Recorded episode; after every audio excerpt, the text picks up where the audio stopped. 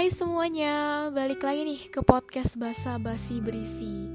Gila, udah lama banget aku gak bikin podcast. Kayak udah tiga minggu atau hampir sebulan atau lebih Aku lupa sih semenjak podcast terakhir aku. Sebenarnya aku gak sibuk yang sampai aku gak bisa ngapa-ngapain gitu ya. Kesibukannya cuma keasikan aja nonton drama, nonton series, rebahan. Yang gak bikin worth it sama sekali tuh karena aku ngelakuin dari sore sampai subuh terus aku tidur sampai siang. Yang bikin aku nggak produktif sama sekali aku jadi jarang banget bikin podcast. Semoga aja ke depannya aku bisa lebih manage waktu aku dengan baik. Terus aku bisa jadi produktif lebih rajin bikin podcast dan nemenin kalian saat gabut. Nah Selain nonton drama nih, aku juga sering banget main sosial media. Belakangan ini aku lagi sering banget main Twitter atau sekarang lagi suka banget nonton konten-konten di TikTok dan apa yang mau aku bahas sekarang itu sempat rame juga sih di TikTok ataupun di Twitter, yaitu tentang keadilan sosial bagi rakyat good looking. Gila, ada apa sih sama orang-orang good looking? Kenapa kedengarannya tuh kayak mereka dapat privilege atau dapat zona aman gitu di sosial media? Nah, coba menarik banget nih buat kita bahas. Sebelumnya menurut kalian, kriteria good looking tuh kayak gimana sih? Apa sih yang bisa apa ya orang-orang tuh masuk kategori good looking tuh karena apa? Kalau menurut aku sih nggak usah muluk-muluk ya, pasti karena cantik, karena ganteng, body goals, apalagi coba glowing. Ya hal umum kayak gitulah yang termasuk good looking menurutku. Dan gak bisa kita sangkal juga, gak bisa kita pungkiri juga kalau orang yang good looking itu bakal punya nilai lebih dari segi tertentu, dalam segi apa pun bisa kita lihat dari sikap orang di sekitar kita gimana sih orang di sekitar kita tuh menyikapi orang-orang yang good looking. Mungkin perbedaannya itu gak signifikan ya. Cuman apa ya pasti bisa aja kita temui. Sekecil apa pun perbedaannya pasti bisa kita temui dan bisa kita cari. Contohnya deh sekarang uh, coba dari yang paling formal. Misalnya lowongan pekerjaan. Ada aja lowongan pekerjaan yang ada embel-embelnya berpenampilan menarik Berarti secara nggak langsung ya penampilan jadi salah satu indikator yang penting ya, semacam nilai plus gitu. Bisa jadi bahan pertimbangan ya. Dan yang kedua, yang lebih down to earth-nya lagi, misalnya di sosial media.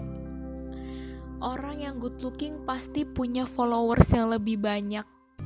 Apa pun isi sosmednya, isi kontennya, kalau cakep ya, pasti orang-orang pay attention sama orang itu mau misalnya nih aku kan sekarang lagi sering banget ya main TikTok. Dan ada dua kategori. Ada orang yang biasa biasa-biasa aja tapi isinya kontennya itu bagus banget ada pesannya tapi malah likesnya sedikit. Dan ada juga orang yang berpenampilan menarik tapi isi kontennya ya biasa-biasa aja tapi punya likes yang lebih banyak. Gitu contohnya Nah, lagi rame juga nih di Twitter ada nggak tahu ya ini dibilang selebgram juga enggak, influencer juga enggak. Ya tapi karena platformnya itu TikTok yang bikin dia terkenal karena dia good looking, jadi mungkin orang-orang pada kenal ya. Baru kelihatan nih perilakunya tuh off cam kayak gimana. Uh, punya isu-isu yang baru diangkat yang cukup buruk dan ya emang dia udah minta maaf sih cuman mungkin bagi beberapa orang uh, permintaan ma permintaan maafnya tuh belum terlalu gimana gitu ya minta maafnya tuh cengenges cengengesan kayak nggak tulus gitu.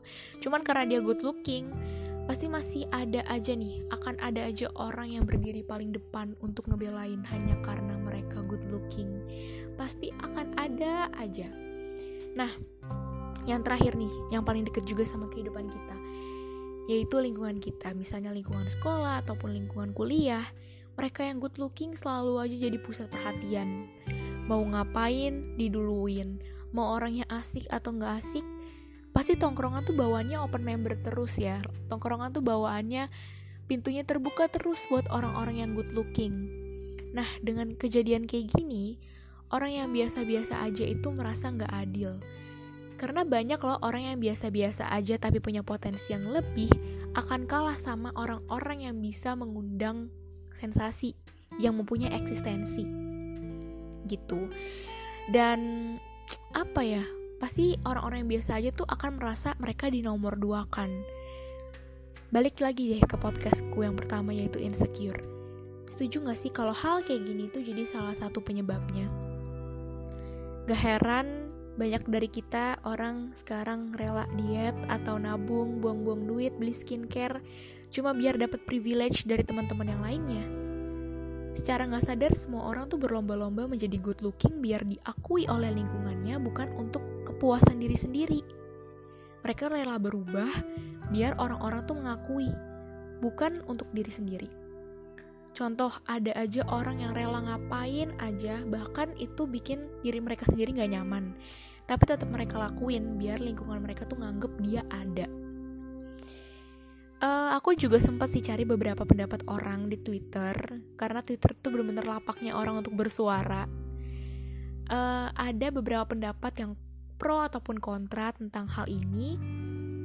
Kalau misalnya ada yang pro dia bilang kalau ya orang yang gak good looking tuh ya satu persatu bakal mulai dilupain atau diasingin. Tapi ada juga yang bertolak belakang dia bilang kalau skill dan attitude itu yang utama banyak hal yang gak bisa didapat dari cuma good looking aja isi otak juga penting. Nah kalian ada di tim mana nih? Tim pro atau tim kontra mengenai bahasan keadilan sosial bagi rakyat good looking? Kalau menurut aku pribadi sih ya penampilan emang penting. Zaman sekarang bohong banget orang nggak peduli tentang penampilan mereka tentang fisik mereka. Tapi ya emang penampilan itu bukan paling utama emang sih kalau ketemu orang baru tuh pasti kita fokus sama penampilannya. Uh, kalau misalnya kita baru ketemu sama orang baru ya kita pasti first impressionnya ke covernya. Misalnya ketemu orang yang jutek ya pasti kita bakal mikir orang itu jutek. Tapi kita nggak tahu kan kalau misalnya kita udah kenal sama dia dia tuh mungkin orangnya bakal care orangnya bakal perhatian banget. Itu tergantung dari kalian pengen cari tahu nggak sih tentang mereka tuh kayak gimana. Sama halnya kalau misalnya kalian mau beli barang mau beli baju pasti kita pay attention sama covernya menarik gak sih buat kita beli gitu intinya nah jadi sekarang kita harus lebih belajar untuk bersikap adil ya sama semua orang, siapa pun mereka. Berbanyak introspeksi dan membenahi diri sendiri dan bersikap netral karena setiap orang tuh punya kelebihan dan kekurangannya masing-masing. Nah, satu lagi nih ya, even lo biasa-biasa aja, bukan berarti lo gak punya value, lo gak punya isi. Itu salah banget sih. Tapi itu semua tergantung kalian, bagaimana cara kalian menghidupkan suasana, bagaimana cara kalian uh, menghidupkan lingkungan lo. Kalau kalian udah punya value, tapi lingkungan kalian tetap gak ngeliat itu, lingkungan kalian tetap ng nganggep kalian sebelah mata, tetap nyepelein kalian, berarti kesalahannya ada di lingkungan kalian, bukan ada di diri kalian. Jangan terlalu cepat untuk nyalahin diri sendiri Jangan terlalu cepat untuk ngambil solusi. Coba tinggalin aja lingkungan kalian. Percaya deh sama aku. Kalau kalian udah bervalue, lingkungan itu yang akan kehilangan kalian. Lingkungan kalian yang akan kehilangan kalian, bukan kalian yang akan kehilangan lingkungan kalian. Jadi, kalau misalnya kalian bisa uh, menghidupkan suasana, punya potensi, tapi kalian masih dianggap sebelah mata, dengan kalian pergi, bukan kalian yang akan merasa kehilangan, tapi teman-teman kalian yang akan ngerasa, oh kalau misalnya nggak ada kalian tuh akan seperti ini ya keadaannya. Lingkungan kalian yang akan merasa kehilangan begitu kalian pergi. Itu aja sih podcast untuk hari ini. Singkat, jelas, nggak tahu sih jelas atau enggak semoga aja semuanya saling rangkul sekarang. Bisa lebih terbuka matanya. Kalau di dunia ini tuh bukan cuma tentang diri sendiri tapi tentang banyak orang. Dan ya jangan cuma mau dihargai kalau kalian sendiri nggak menghargai orang lain. Dan pesanku adalah coba deh untuk apresiasi apa yang telah dilakukan bukan siapa yang melakukan itu aja podcast aku hari ini. Semoga kalian suka dan sampai ketemu di podcast selanjutnya. Bye bye.